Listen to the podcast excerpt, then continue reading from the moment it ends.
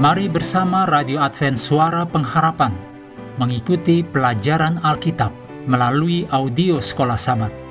Selanjutnya kita masuk untuk pelajaran Rabu 7 Desember dengan judul Penujuman atau Nekromansi dan Pemujaan Leluhur.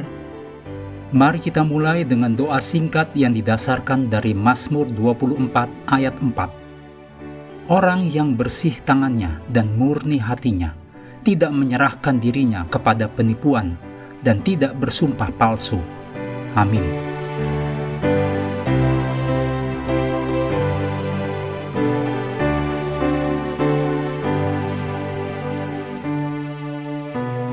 Kata penujuman atau nekromansi berasal dari istilah Yunani nekros, yaitu mati, dan manteia atau ramalan. Dipraktekkan sejak zaman dahulu, penujuman adalah bentuk pemanggilan arwah orang mati untuk mendapatkan pengetahuan, sering kali tentang kejadian di masa depan.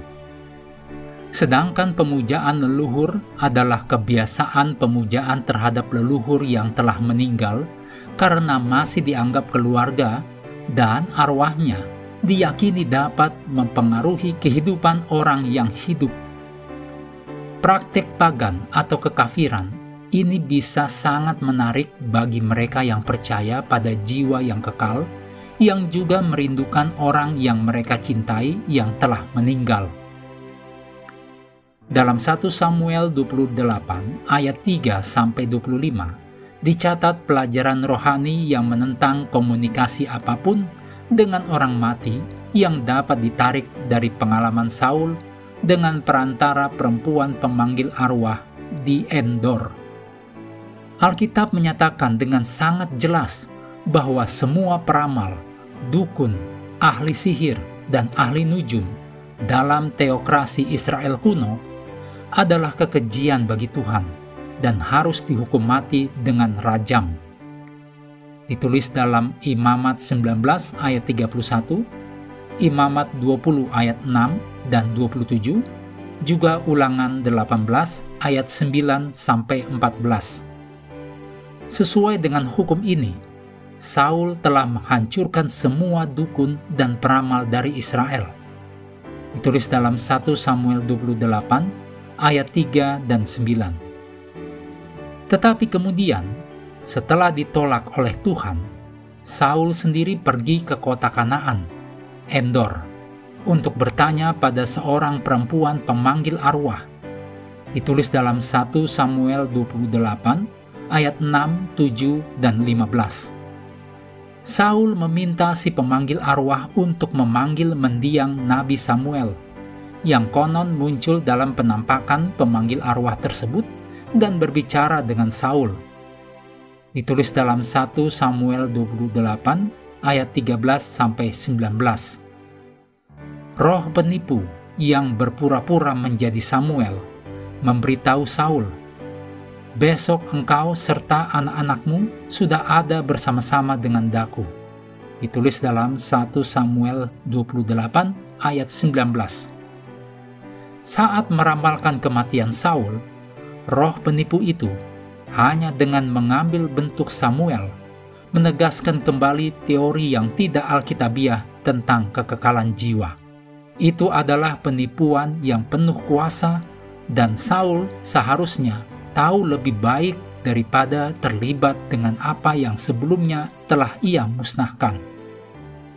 Lebih dari dua abad kemudian, Nabi Yesaya menulis, "Dan apabila orang berkata kepada kamu, mintalah petunjuk kepada arwah dan roh-roh peramal yang berbisik-bisik dan komat kamit. Maka jawablah, bukankah suatu bangsa patut meminta petunjuk kepada Allahnya? Atau haruskah mereka meminta petunjuk kepada orang-orang mati bagi orang-orang hidup? Carilah pengajaran dan kesaksian. Siapa yang tidak berbicara sesuai dengan perkataan itu, maka baginya tidak terbit fajar. Ditulis dalam Yesaya 8 ayat 19 dan 20, juga Yesaya 19 ayat 3. Seringkali di bawah tekanan, kita melakukan hal-hal yang kita tahu salah. Itulah sebabnya iman, doa, dan penurutan kepada firman Tuhan merupakan satu-satunya pertahanan kita yang pasti untuk melawan diri kita sendiri.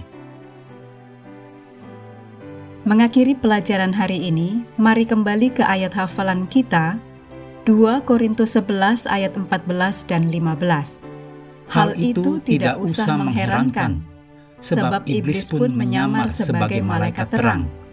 Jadi bukanlah suatu hal yang ganjil jika pelayan-pelayannya menyamar sebagai pelayan-pelayan kebenaran.